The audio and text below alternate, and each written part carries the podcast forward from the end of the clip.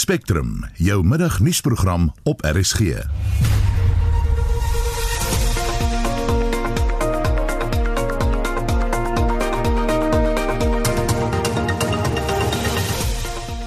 die program president Cyril Ramaphosa verskyn vir die eerste keer voor die staatskapingskommissie.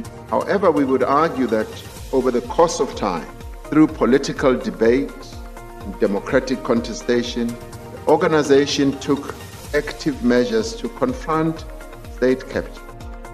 Die registrasievereistes van die 24 Kubaanse ingenieurs word vandag op hoë vlak bespreek. We must also remember that in the context of the blockade against the um, government of Cuba, Cuban engineers and, and, and other professionals have it difficult to be able to register with world bodies or even professional bodies within certain countries. En die regering vra die publiek se insette oor salarisonderhandelinge in die staatsdiens. We are working very hard on the matter ourselves. We have ideas, but there could be somebody in the public uh, who may have a better idea, and there's nothing wrong with that. Goeiemiddag, ek is Susan Paxton. So 4 minute oor 12 jy luister na Spectrum.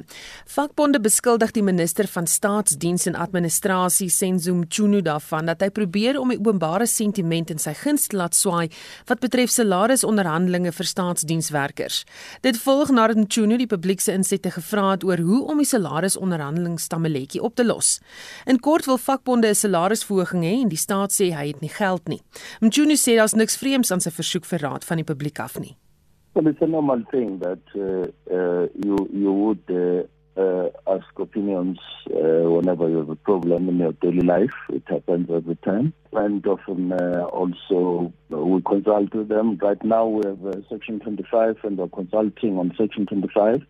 It's a normal thing that government would interact with people whenever they feel uh, it is necessary to do so. Is ook daarvan beskuldig dat hy die media gebruik om mee te onderhandel. I'm not negotiating through the media. I'm, I'm, I'm just, after all, the South African government comes into being as a result of the vote of the people. It's a government of the people. Uh, we ourselves, as, as government, we don't exist on our own. We exist uh, on behalf of the people of South Africa. There's nothing wrong with interacting with them. We're not negotiating. Uh, negotiations are in the chamber. All I'm saying is that uh, could someone uh, augment or even uh, maybe uh, contribute with uh, their ideas. We are working very hard on the matter ourselves. We have ideas, but there could be somebody in the public uh, who may have a better idea, and there's nothing wrong with that. Mchunu verduidelik dat die staatsdiens salarisrekeninge uitgawe raak wat buite beheer is. Firstly, uh, the PSA as a department, like any other department, you interact with and you work with very closely with uh, Treasury. There is no department in the Republic that works alone and uh, independent of uh, Treasury. Now, Treasury would say uh, this is the budget and uh, for this and that, and uh, you comply, you work in, accord- in, in accordance with that. And so, according to them, they, they, they have gone to public clearly saying that uh, the economy is uh, not performing, and secondly, the fiscus of the state, uh, especially uh, revenue and uh, and expenditure, there is a running gap there which needs to be fixed, exp- and, and expenditure is very very very uh, high, and they've, they've even uh, borrowed, and there is also there are also charges on the borrowing that were, I mean, in, in, in interest have to be paid and so on. And uh, there's COVID, on the other hand, uh, that uh, has uh, swung quite a lot of um, uh, revenue uh, to fix vaccines and, and, and, and all related matters. So there are things that are totally, totally, that were totally unexpected that happened last year. And adding onto the the burden, adding the burden on the fiscus, and, and it has created a problem. And but it was urgent; it had to be done, and very important, had to be done. And so um, then they uh, uh, directed that look, we may have to hold on on this expenditure because uh, it's the highest in, uh, in in expenditure, and it looks like uh, it's running out of control. Mchunu sê hulle is steeds baie gretig om te onderhandel oor die kwessie. Uh, we are saying so, but at the same time, we are saying uh, uh, that is uh, not that's not the only way of uh, doing things. We can we, we need to uh, uh, bring our heads together and uh, and talk and see whether there, there can be an alternative uh, that we can we can find uh, to, to to to to take the matter further. Dit was die minister van staatsdiens en administrasie Senzo Mchunu. Ons praat nou ook met Dr. Rolof Botha, ekonom van die Optimum Beleggingsgroep oor die en ander ekonomiese sake. Goeiemôre Rolof. Goeiemôre julle. Wat is jou reaksie oor die feit dat die regering nou wil hê die publiek moet insaal lewer in die salarisonderhandelinge? Wel, in beginsel ehm um, dink ek nie is daar iets mee verkeerd nie. Ehm um, die enigste probleem is is baie duidelik dat hulle tas 'n bietjie in die donker rond en hulle, hulle het eintlik nie 'n oplossing nie. Die die voordeel daarvan om nou vir die publiek te vra om voorstelle voor in dag te kom, is as mens nou deur die ehm um, voorstelle gesif het, want baie van hulle gaan lasterlik wees, dit belowe ek jou. Uh, mens kom uit byvoorbeeld by eh, 'n uh, bietjie navorsing wat ek nou uh, vinnig gedoen het, dan kan dit hulle ook ehm um, die amnestie gee om met hierdie vakbonde te gesels. Uh die die die, die ooglopende uh oplossing vir hierdie hele probleem is dat hulle met die arbeidswetgewing verander en hulle met die mag van die ehm um, staatsdiensvakbond moet hulle uh, uh, drasties inperk. En ek wil net vir die luisteraars die die die slegte nuus gee. Ongelukkig en ek is eintlik baie goed daarmee nie. Maar tussen 2011 en waar ons nou is, uh die laaste statistieke uh tweede kwartaal van verlede jaar, het jou gemiddelde staatsamptenaar se salaris met meer as 66% toegeneem. Terwyl jou gemiddelde persoon in die private sektor se salaris met 38% toegeneem het. In reële terme het private sektor salarisse tussen 2011 en 2020 met 6% gedaal. Terwyl staatsamptenare in reële terme se salarisse met amper 14% toegeneem het. En hierdie is nog een van die talle uh uitvloeisels van die rampspoedige bewind van meneer Zuma. Uh toe hy mense onbevoegde mense aangestel het in die staatsdiens, in die staatsbeheerde instellings en nou is dit meer Ramaphosa se baie moeilike taak om stadig maar seker van hierdie mense ontslae te raak. Wat sou jou voorstel wees as 'n oplossing? Wel, hulle moet vir die staatsamptenare konfronteer en vir hulle sê kyk, hier is die feite. Die feit is dat in die private sektor het uh, het hulle agteruitgeboer van 2011 af. Hulle kry nou 6% minder. Hulle het 14% meer gekry in reële terme en nou wil hulle nog meer hê terwyl daar nie geld is nie. Uh, ek dink persoonlik hulle moet van hierdie vakbondleiers net uh, na uh, ekonomie een kursus uh, stuur. Ek sal baie graag uh, daai uh, lesings wil aanbied, maar dit gaan miskien baie lesings nodig uh, verg om om hulle te laat verstaan hoe werk die die staatsfinansies van 'n land. Uh, die die ander uh, oplossing wat ek vir het is om deeglik te gaan kyk na die CV's van staatsamptenare uh, wat aangestel is in die Zuma tydperk om agter te kom of daar nie eers 'n bietjie van 'n 'n bedrogspulletjie hier is, 'n leen of twee, en dan kan mense van hierdie mense ontslaa raak sonder om vir hierdie reuse pakkette aan te bied. So forensiese ondersoek na die na die betroubaarheid en die akkuraatheid van die CV's van staatsamptenare sou ek sê is 'n heel eerste stap. Dit sal hulle ook uh, op hulle agtervoete plaas uh, en hulle sal nou vinnig uh, wil probeer om van daai CV's ontslae te raak party van hulle. Uh, maar wat hulle net moet onthou in die internet era uh soos hulle in Engels sê you cannot destroy evidence. Dit is altyd daarso. Hmm. En ander nuus en iets wat jou onrustig stem is die feit dat die kredietleningskoers aan private sektor begin afneem. Wat is aan die gebeur hier? Ja, dit was my baie ontstellend geweest hier so oor die uh lang naweek. Ehm um, toe ek nou so 'n bietjie tyd gehad om om om te gaan krap en toe kom ek tot my ontsteltenis agter dat jou kredietverlening uh aan die private sektor en ekonomie is is ehm uh, tans 62 miljard rand minder as wat dit in April verlede jaar was. En ten spyte daarvan weier die Reserwebank om die rentekoerse verder af te bring.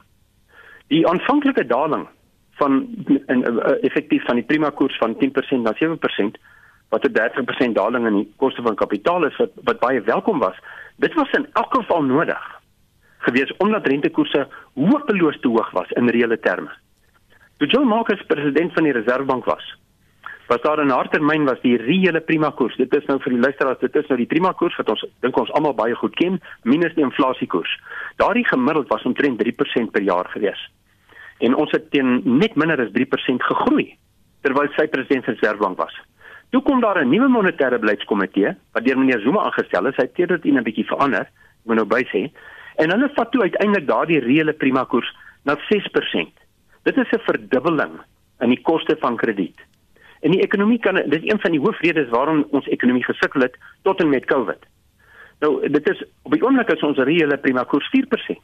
Dit is nog 'n volle 100 basispunte hoër as die gemiddelde tyd in John Marcus se tydperk en dit sou uh, dit sou die eerste stap wees dink ek. Dit kan van daar af nog verder daal. Wat hierdie land nou nodig het in die volgende jaar of 2 is aansporings vir wagkapitaal.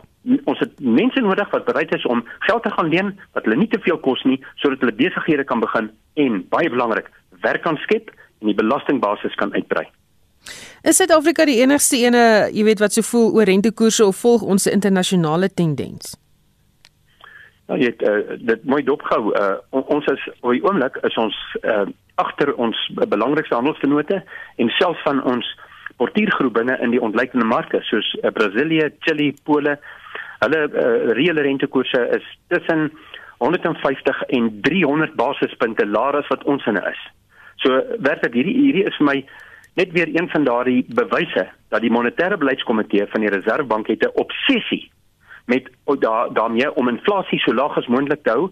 En inflasie van so 3 4 5% is nie noodwendig sleg vir die ekonomie nie veral nie as groei jou prioriteit is. Maar ek dink nie daai MBK kan ekonomiese groei spel nie Baie dankie dit was Dr. Rolof Botha ekonom van die Optimum Beleggingsgroep President Cyril Ramaphosa verskyn tans voor die staatskapingskommissie. Ramaphosa getuig in sy hoedanigheid as ANC-leier en as destydse adjunkpresident van die land.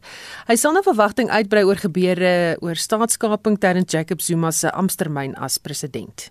Indeed, the issue of state capture and corruption was prominent in the contestation that took place ahead of the ANC's 54th National Conference in December 2017. However, we would argue that over the course of time, through political debate and democratic contestation, the organization took active measures to confront state capture.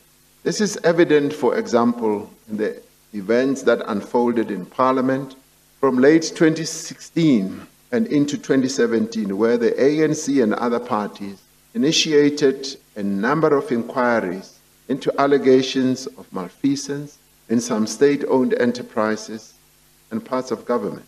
It is clear from the affidavit submitted to the Commission by the former ANC Chief Whip, the late Mr. Jackson Mtembu, that the determination of the ANC in Parliament to probe these allegations was both a response to the evidence wrongdoing that was accumulating in the public domain and the implementation of the decisions taken by the ANC's constitutional structure, especially its NEC. President Cyril Ramaphosa verskyn tans voor die staatskapingskommissie en dit was sy stem. Later in die program berig ons meer volledig oor sy getuienis sover. Ons parlementêre korrespondent Mesiris Besent het intussen enkele van Ramaphosa se mondelike antwoordsessies in die nasionale vergadering en die nasionale raad van provinsies tussen 2014 en 2017 saamgestel, toe hy vrae beantwoord het as leier van die uh, regeringsake in die parlement en as adjunkpresident onder die Zuma regering. The honorable Tawama Thank you, Honorable Speaker. Honorable Deputy President, how do you remain principled, morally intact as a leader in the face of allegations of, of corruption against President Zuma? We've always held the view that anyone, and indeed members of this parliament, should come forward with proof of any wrongdoing, submit it so that it can be taken forward. We tend to make allegations that are not based on any substance or truth, and we've made it a national sport just to make allegations and accusations on information that is not substantiated. So I want to understand, Deputy President, would you agree with me that in the interest of the current electoral system and noting the Constitutional Court rulings and the process there, can we encourage members to come on the motion of no confidence and vote with their conscience and protect South Africans from corruption which you spoke about earlier? And will you join in voting with your conscience so that we rid this issue of corruption at the top? Start there. Deputy Speaker, it's, you know, with a matter like this, it's quite easy to play to the gallery. And I think we should, we should enter this debate in a very sober manner because we are all here, here, on the basis of political party mandates. The brutal truth is you are also losing your integrity. Can you break from the yoke the president has bound you? Why are you continuing to legitimize, to, to legitimize his failed leadership? Why do you allow the president to slowly to devote the values of the, which are enshrined in our constitution? Continuing to give the future of the country a death sentence. Deputy President, why are you allowing the president to turn you into an Aram scrap cell, Deputy President? Madam Speaker, I don't know what the actual question is. I don't have my Afrikaans dictionary today to remember what an Aram skepsel is. All I can say is that I'm not a skepsel. So I'm not an Aram skepsel. Uh, and that is the answer that I would be willing to give uh, Honorable Ploama. Thank you very much. Deputy President, in your reference uh, that you made that the President referred to restructuring, would you like to share with us how many of the Cabinet Ministers support the creation of privatization of the energy sector?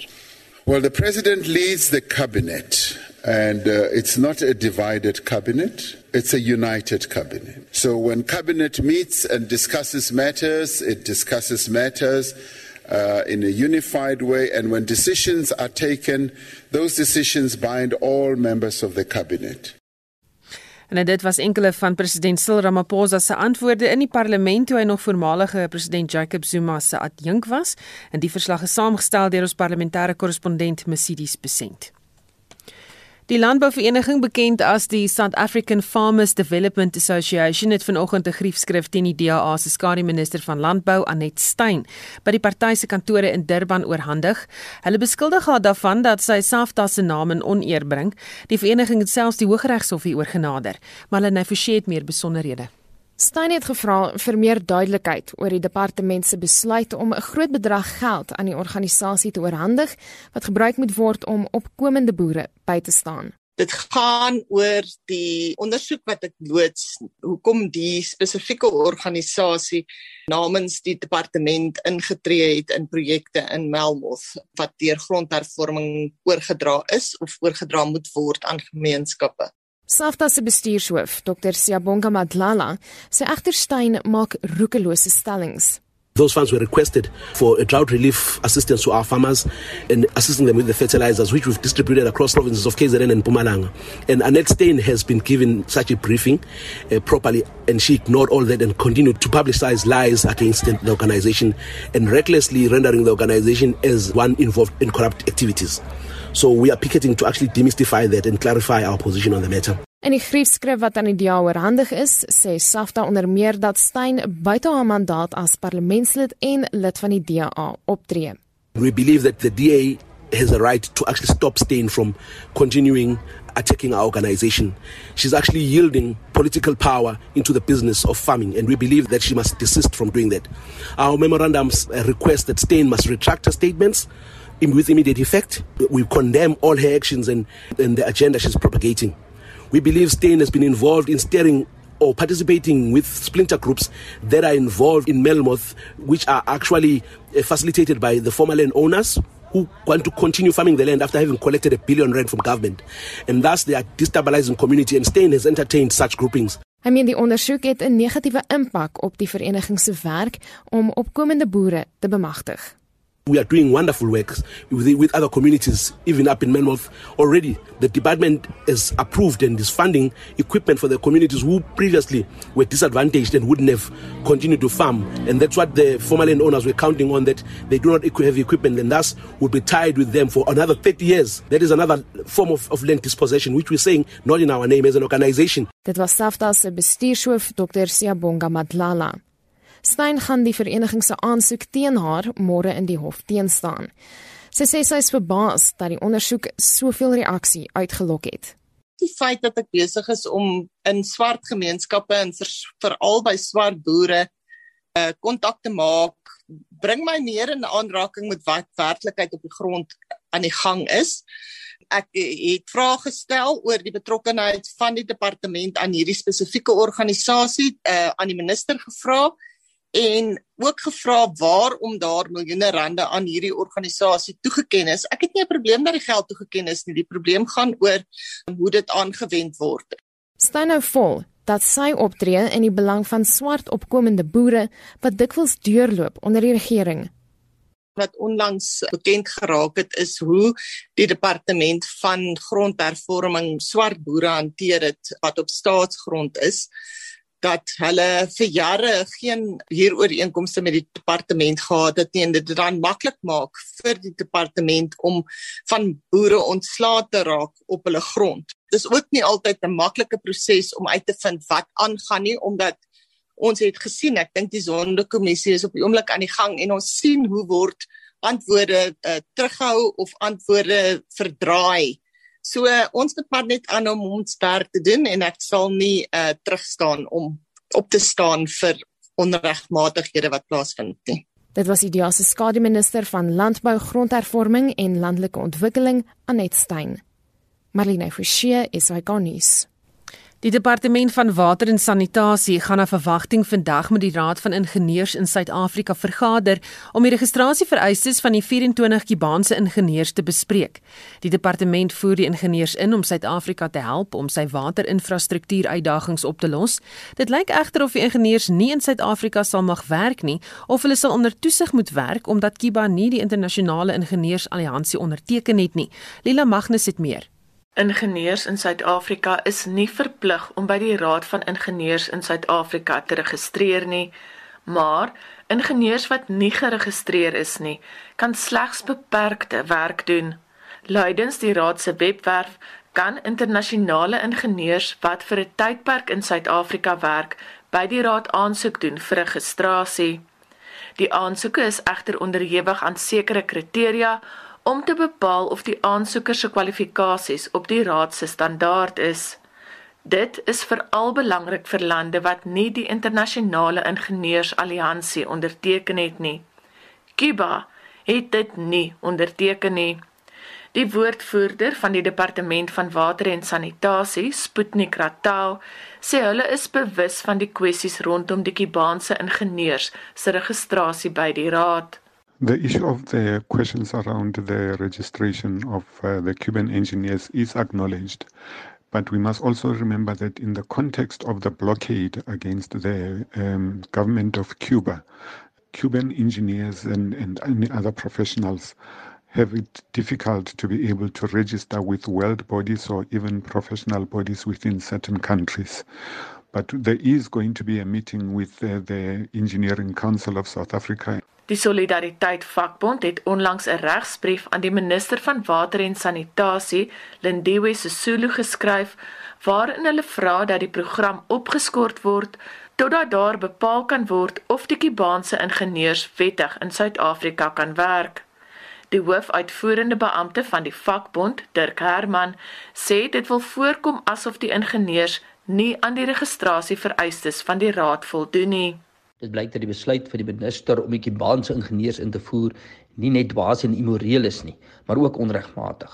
Op gesigswaarde blyk hierdie ingenieurs nie te voldoen aan die registrasievereistes van die Suid-Afrikaanse Raad vir Ingenieurs wat hulle in staat sou stel om ten volle te kan praktiseer nie. In ons regsbrief vra solidariteit dat die Kubaanse ingenieursprogram onmiddellik opgeskort word en dat sekerheid verskaf moet word oor die wettigheid van die Kubane se lisensiering en registrasie. Ratau sê Suid-Afrika voer sedert 2001 verskeie professionele mense van Kuba in om Suid-Afrika in verskillende sektore te help. Die departement het tussen 61 en 64 miljoen rand begroot om die huidige groep Kubaanse ingenieurs te betaal. Herman meen die geld kan eerder gebruik word om Suid-Afrikaanse ingenieurs te betaal. Die Solidariteit Vakbond het 'n lys van 120 Suid-Afrikaanse ingenieurs aan die minister gestuur wat gekwalifiseerd is om die werk te doen. Sommige het meesters of selfs doktorsgrade in hul spesifieke velde. Hy sê die Unie sal teen Vrydag besluit of hy die minister hof toe gaan sleep afhangende van die minister se antwoord op die regsbrief. Ek is Lila Magnus vir SAK nuus in Pretoria. Die Suid-Afrikaanse Nasionale Weermag Unie SANU sê hy dring aan op antwoorde van die Departement van Verdediging oor die koste verbonde aan die aankoop van nuwe uniforms vir weermaglede. Die vakbond is nie noodwendig gekant teen 'n meer praktiese uniform nie, maar beweer dat daar meer dringende kwessies is wat aandag verg. Marlene Forsie het meer besonderhede. Sanwu se nasionale sekretaris, Bekkie Greef, sê die behoefte aan veranderinge aan die uniform se oorsprong lê in die DRK. Die weermag is nou reeds so wat 12 jaar lank in die gebied betrokke en die sewels wat gebruik word is veral in die landskap onprakties. Dit lyk ook asof daar ander terugvoer verkry is oor verskeie uniformstukke en hoe gemaklik die huidige uniform is in terme van die operasionele ontplooiing van 'n soldaat in verskillende streke van die kontinent. Uniform wat in Suid-Afrika van pas is vir ons omstandighede soos byvoorbeeld die Hoëveld of, of uh, grasvelde en so aan is nie noodwendig gepas in 'n uh, oerwoud Hy meen dis tog 'n rein gedagte, maar dat die finansiële stand van sake in die weermag nie ruimte skep hiervoor nie. Dit help byvoorbeeld veel dat ons nou weermag nou geld gaan spandeer aan die infasering van 'n nuwe uniform wanneer ons byvoorbeeld sit met toerusting en uitrusting tekorte of toerusting wat agteruit gaan en verouderd is. Jy weet ons het hierdie week die voorval gehad waar die krag na 'n militêre basis in Denotter gesny is weens wanbetaling vir 'n 2.8 miljoen rand rekening. Nou 'n mens moet wonder as die weermag nie eens elektrisiteit kan betaal nie, waar gaan hy die geld vandaan kry om hierdie uniforms in te faseer en is dit werklik finansiëel gesproke nou die beste besluit. Greef sê soldate word dikwels genoop om hul eie uniforms te koop teen reuse koste. Ons kry aanhoudende klagtes van groot basisse soos die militêre basis op Tempe en Bloemfontein, die militêre basis in Oudtshoorn waar daar baie opleiding plaasvind, waar mense eenvoudig nie bestaande uniformstukke eers in die hande kan kry nie, veral nie stewels nie. Honderde soldate het al by ons gerapporteer dat daar van hulle verwag word om hulle eie stewels te gaan koop. Nou, as daar nie geld is vir die huidige uniform nie, waar gaan die geld vandaan kom vir nuwe uniform? Hulle sit tussen die duiwel en die blou see want as hulle nou nie byvoorbeeld die regte stewels het nie dan moet hy in siviele klere werk toe kom. As hy in siviele klere werk toe kom dan word word hy daaroor uitgetrap en is in 'n moeilikheid. Uh, as hy met 'n onvolledige uniform daaraan kom natuurlik niemand wil dit hê nie. Dis net verregaande dat ons nie eens ons bestaande uniforms in stand kan hou hy sê hulle gaan beswaar aanteken by die departement van verdediging Waarom is dit nou so nopend om 'n nuwe uniform in te verseer in hierdie finansiëel moeilike tye vir die weermag? En wie kry hierdie kontrak? En hoekom kry hulle hierdie kontrak? En wat gaan die koste daaraan verbonde wees? Dit was die nasionale sekretaris van die Suid-Afrikaanse Weermag Unie Pikkie Greef. Marlene Forsie is hy gaan nuus. Spectrum jou middagnuusprogram op RSG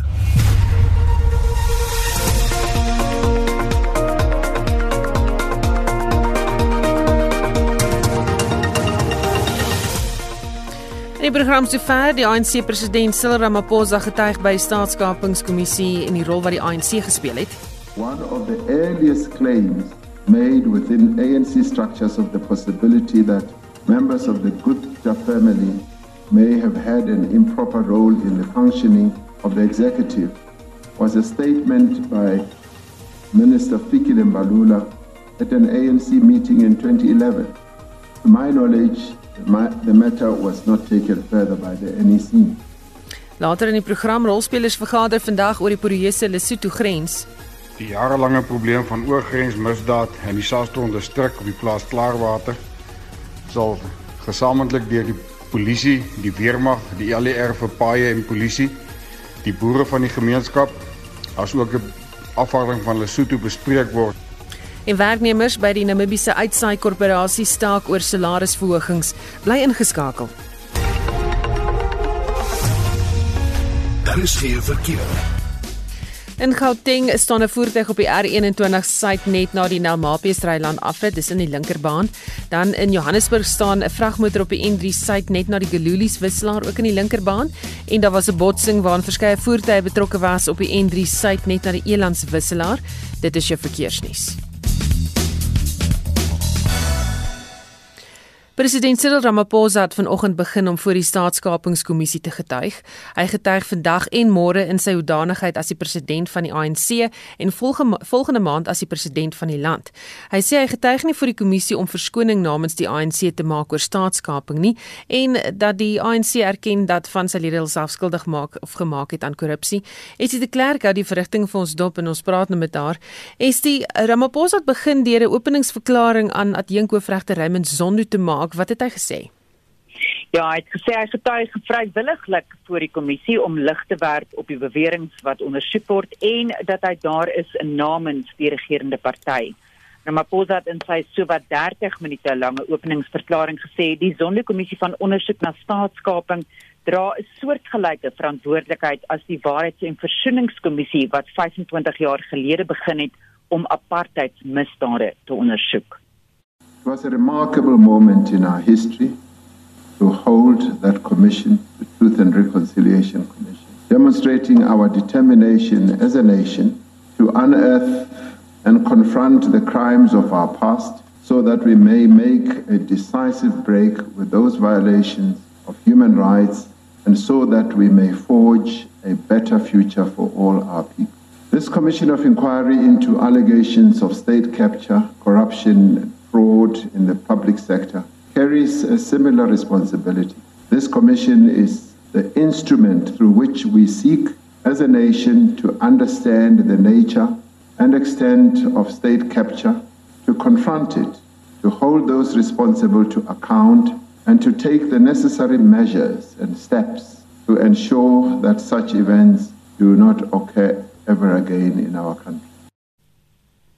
Ramaphosa sê die ANC het geweet die sondekommissie sou die ANC onder 'n vergrootglas glas plaas en dat dit moeilik vir hulle sou wees, maar die ANC skram nie weg nie.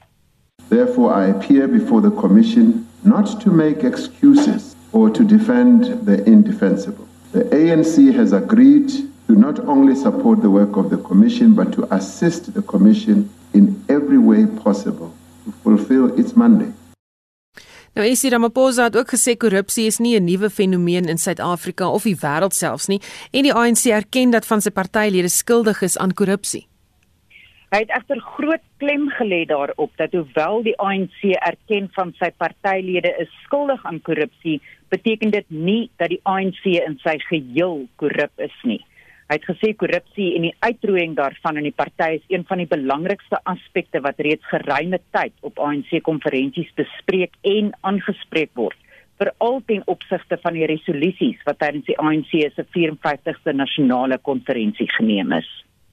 One of the areas in which the ANC has taken clear action is to require that members of the ANC who are formally charged with corruption, other serious charges, must immediately step aside from all leadership positions in the ANC, legislatures or government structures, pending the finalization of their matters. Such members who do not step aside may be summarily suspended. Furthermore, members of the ANC who are reported to be involved in corrupt and other criminal practices must go to the ANC's Integrity Commission and provide a credible explanation for these allegations or reports.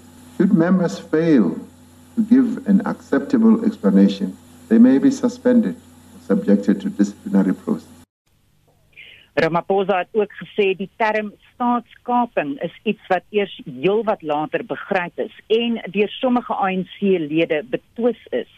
Maar een van die eerste beweringe van staatskaping in ANC-strukture van die moontlikheid dat lede van die Gupta-familie moontlik onbehoorlike invloed uitgeoefen het op die uitvoerende gesag van die ANC is 'n verklaring wat reeds in 2011 deur die kabinetsminister Fikile Mbalula gemaak is. To my knowledge, the, ma the matter was not taken further by the NEC or in any structure of the organization after he had mentioned. At the time, the statement did not prompt any specific concerns about the capture of the state.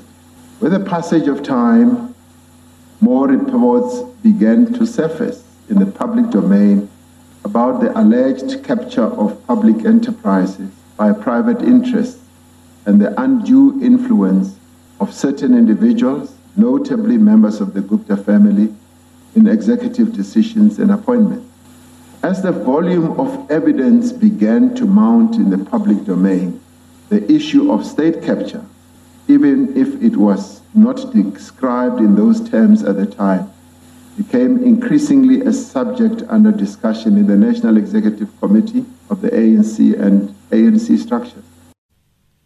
Nou Ramaphosa het verder gesê dit het oor die jare al duideliker geword ook in die parlement en in die wetgewer dat staatskaping wel gebeur. Ja, en hy sê dit het in daardie strukture en ook in die ANC self begin uitspeel en dit het duideliker gemanifesteer in swak ANC takke en in politieke konflik in die party. En hy het gesê die ANC het veral sedert 2016 daadwerklike pogings probeer aanwend om korrupsie in sy eie strukture aan te spreek. Nou op die oomblik is Ramaphosa besig om te getuig oor die ontplooiingskomitee wat in die ANC bestaan en as adjunk president het hy groot insig gehad in daai komitee. Baie dankie. Dit was Essie de Klerk wat die verrigtinge by die staatskapingskommissie vir ons dophou. Shaun Jooste die dag se sporthoogtepunte. Ons begin met 'n paar sokkerwedstryde wat vandag voorlê. In die DStv Premier Liga speel Kaizer Chiefs vanmiddag 3uur teen Chippa United en Chakuma FC teen Bloemfontein Celtic. 5uur kom Baroka FC teen TS Galaxy, Cape Town City teen AmaZulu en Mamelodi Sundowns teen Golden Arrows te staan.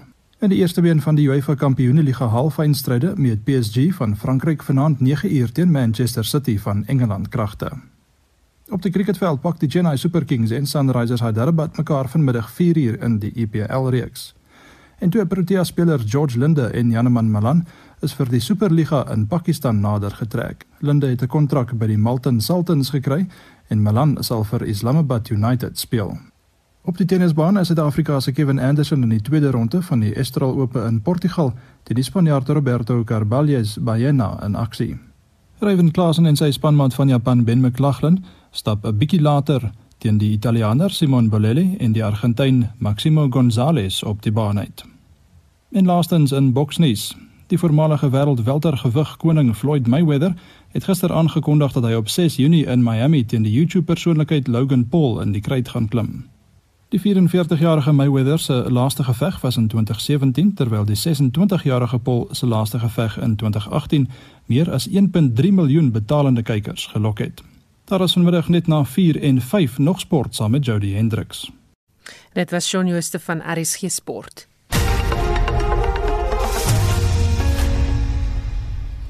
Die polisie weermag geafvaardiging van Lesotho en die landbousektor vergader vandag oor die Lesotho grens en die mense wat onwettig oor die grens in die Vrystaat insluip.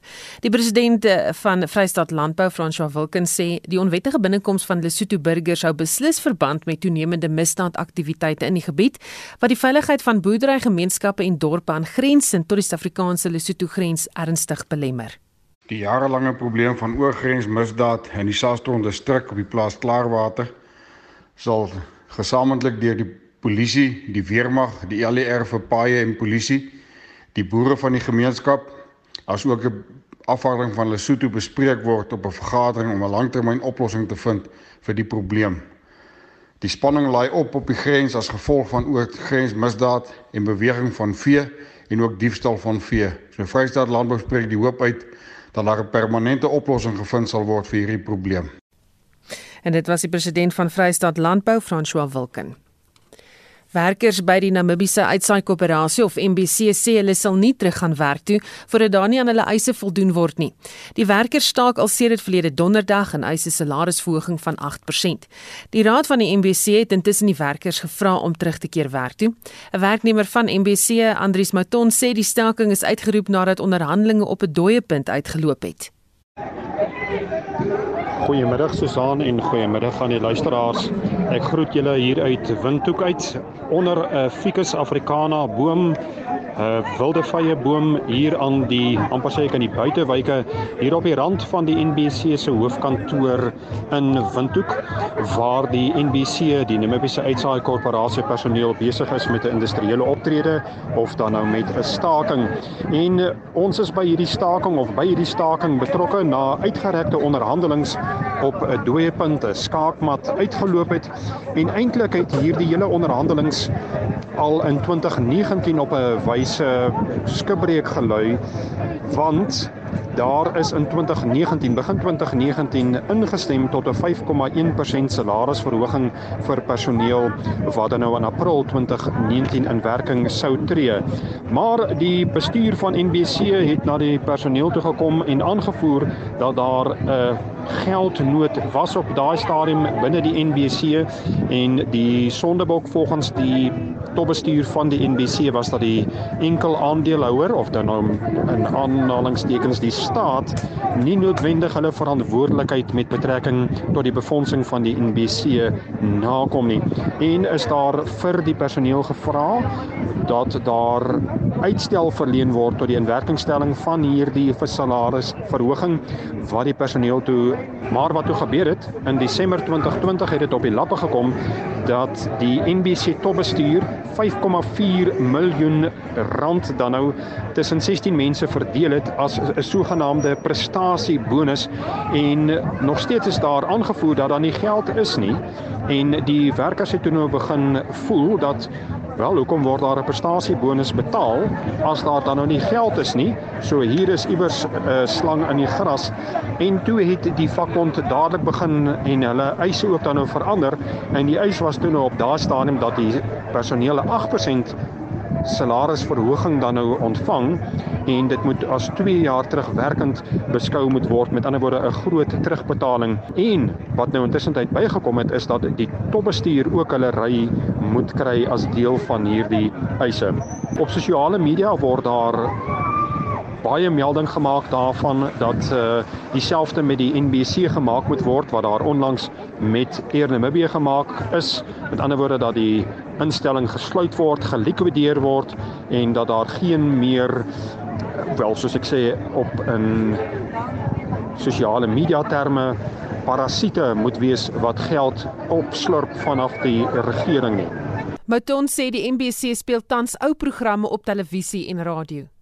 Intussen is daar op die lig van die radiostasies en op die lig van NBC TV ou programme wat al reeds uitgesaai is en wat dan hersirkuleer word. En selfs hierdie klank van TV word dan nou op radio uitgesaai wat uit die aard van die saak groot frustrasie vir radioluisteraars beteken omdat hierdie klank eintlik bedoel is vir TV en nie noodwendig vir radio nie. Dit bring ook veral groot ontwrigting in landelike gebiede waar luisteraars erg afhanklik is van die radio vir die uitdeel van inligting en nou veral met die COVID-19 inentingsveldtog. Andries Masaka werk ook vir die MBC en sê hy's moeg vir die wanadministrasie by die maatskappy. Die eerste ding is uh wanadministrasie en daarna dan kyk ons aan die salary verhoging wat ons al omtrent um, 7 tot uh, 6 jare gelede gekry het en dit is 'n goeie ding vir ons. En dan is dit ook daar iets van favoritism. Ons voel eintlik gerief in ons eie werk want jy ken nie wanneer sal jy die werk verloor of wanneer sal jy 'n nuwe posisie kry nie of groei op op die posisie nie. Ons bly dieselfde van jaar tot in jaar in. So dit is waar ons stak. Nick Dames, ook 'n werknemer van MBC, sê hulle veg om die siel van die uitsaaier. Dit gaan vir my oor eenheid. Eenheid binne in die koöperasie, eenheid oor die algemeen dat ons as een entiteit kan wees, kan saam staan en 'n een eenvormige doel kan hê. En as daar nie eenheid is nie, is dit nie vir my 'n regverdige lekker werksplek nie. En as daar oneenigheid is, ongelykheid is, dan is is sake nie reg nie. Dit is die stem van Nick Dames vanuit Windhoek in Namibië. Die verslag is saamgestel met behulp van Andrius Mouton ook in Namibië. Die Suider-Afrikaanse Ontwikkelingsgemeenskap SADC hou vandag en môre samesprekings oor moontlike maniere om in te gryp by militante aktiwiteite in die noorde van Mosambiek. Inligting oor van die voorstelle is intussen uitgelek en sluit in dat 3000 soldate na die gebied ontplooi word. En vir meer hieroor praat ons met 'n senior navorser aan die Instituut vir Sekuriteitsstudies in Pretoria, Liesel Louwodren. Goeiemôre Liesel. Goeiemiddag. Want weet ons sover van die inligting wat uitgelek is? Ja, dit is nogal 'n redelike volledige verslag wat nou ehm um, voorberei is deur 'n span wat deur SADC uh, na Mosambiek gestuur is. Hulle ehm um, is het uh, was 'n 'n groep van ehm um, die uh, weermagte van verskillende lande maar van van wat dan nou afgevaardig is deur SADC en hulle het 'n uh, verslag saamgestel en en uh, stel voor soos jy gesê het dat SADC uh, ongeveer 3000 troepe stuur um, om wat nou um, verskeie jy weet um, selfs uh, ook lugmag en vloot en so aan insluit. Die Cape Delgado is, is op die see. Um, sodat uh, hulle uh, hierdie terreur in in Cape Delgado kan beveg. Maar mens moet bysê dat die staatshoofde sal nou eers môre kyk na die verslag En die feit dat dit nou uitgelek het en wyd in die media bespreek is kan dalk 'n impak hê of hulle dit nou gaan net so aanvaar of nie. Maar ehm um, dit lyk tog dit gee vir ons in elk geval duidelikheid oor ehm um, watter soort van scenario's SADC op die oomblik besig is om uh, te oorweeg in terme van uh, die terreur in Cabo Delgado. Hoe haalbaar is hierdie voorstelle? Ja, Um, dit is 'n goeie vraag omdat militêre kenners natuurlik sê Suid-Afrika self en dan die weermagte van die SAOG lande um, het nie eintlik uh, eerstens die finans die finansiering om so um, mag te stuur nie. Dit is baie baie duur ons weet dit. En dan nou die die troepe wat opgelei is. So um, 3000 troepe ons dit lyk asof hulle meestal sal wees dan van Suid-Afrika, Zimbabwe, Angola, en Malawi en Tansanië word ook genoem.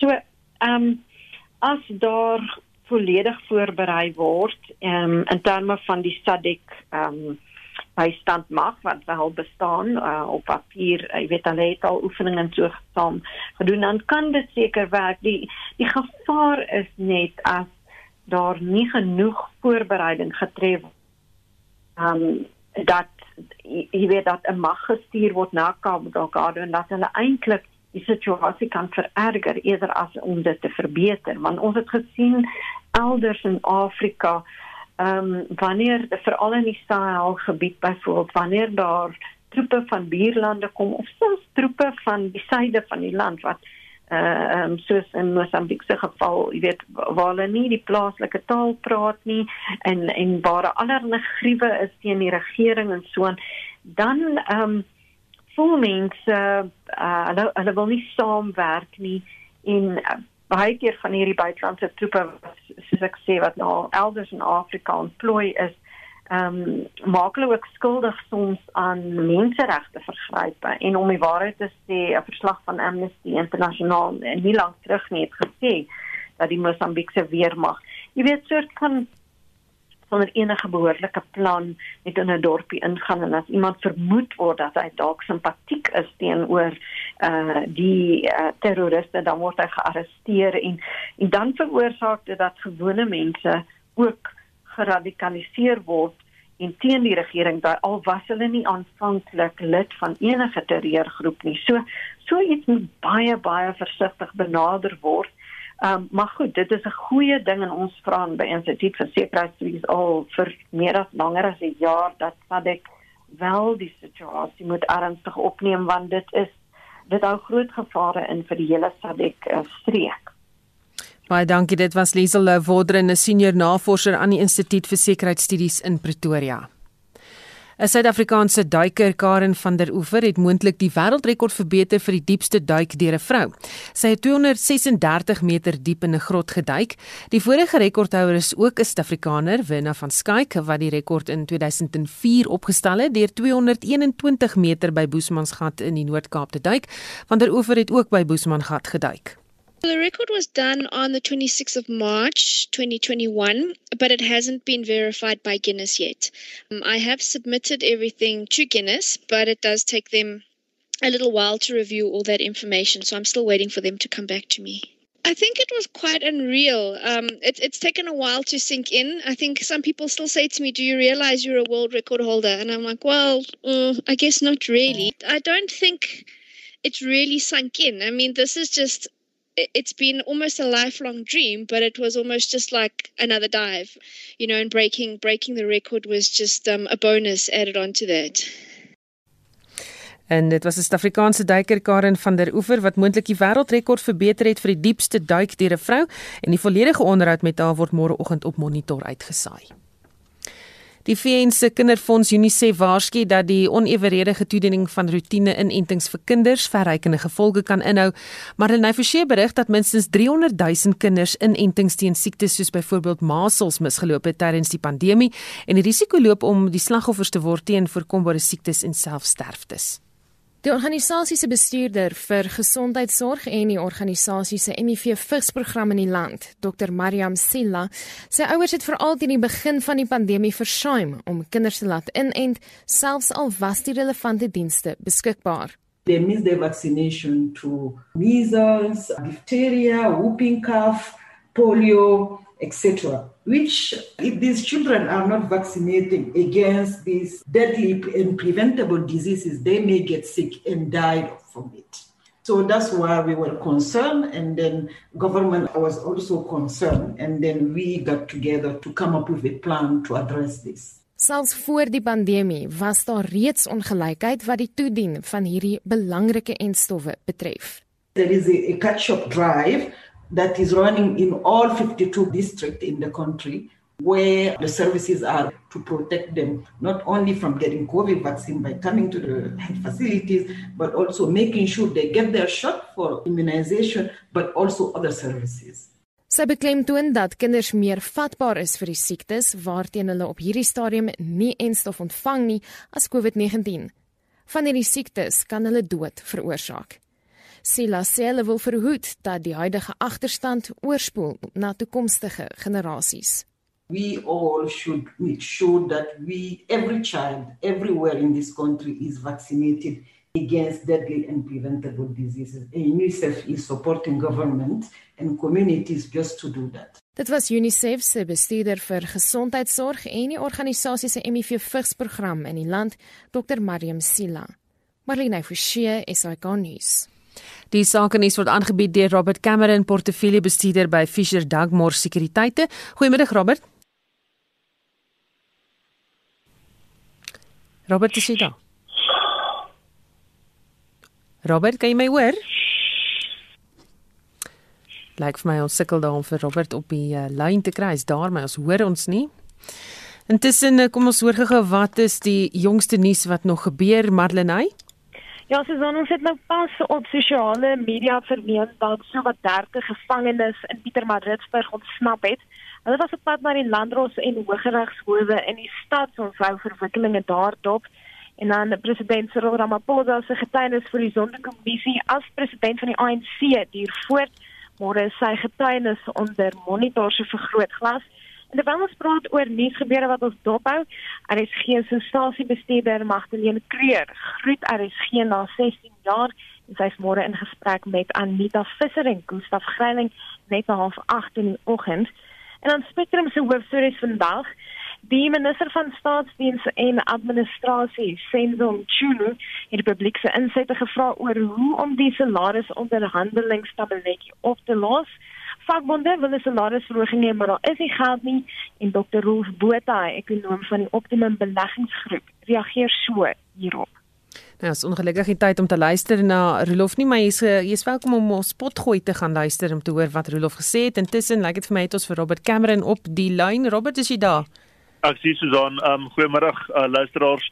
Uh, ons plaaslike mark is redelik lusloos vandag. Die indeks vir alle aandele onveranderd vanaf maandag se sluiting en staan op uh, 67000 67575 punte.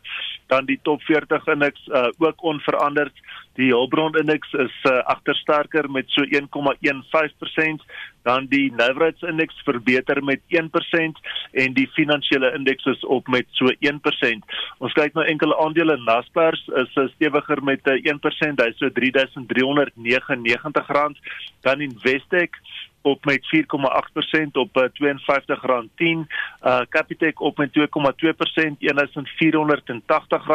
Sasol beter met 2,6% op uh, R245. Dan Exxaro is uh, af met 12,2% op R155.20, maar dit is nadat hy 'n uh, ge gewone dividend en 'n spesiale dividend uh afgeskit het. Die wisselkoerse die rand uh, R14.37 teenoor die dollar 17.34 teenoor die euro en 'n Britse pond kos jou tans R19.94.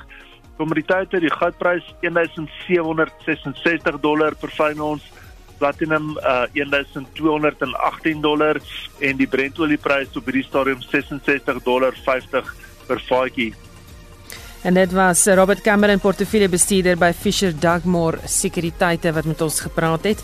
En uh, daarmee groet die Spectrum span net so voor ons uh, heeltemal groet die Mango lugdiens om verskoning vir die ontbreking en in sommige gevalle die kansellasie van vlugte. Dit volg op nuus dat die laagkoste lugdiens sy dienste van volgende week af opskort. Die president van die Suid-Afrikaanse kajuitpersoneel oftewel SAKA, Sasa Nyombeni Ngubade het gesê hulle is uh, kort kennisgewing gegee oor hierdie besluit. Ons groet namens ons waarnemende uitvoerende regisseur Hendrik Martin, redakteur Justin Kennerly en produksieregisseur Evert Snyman. My naam is Susan Paxton. Geniet jou middag in die geselskap van RSG. Onafhanklik, onpartydig.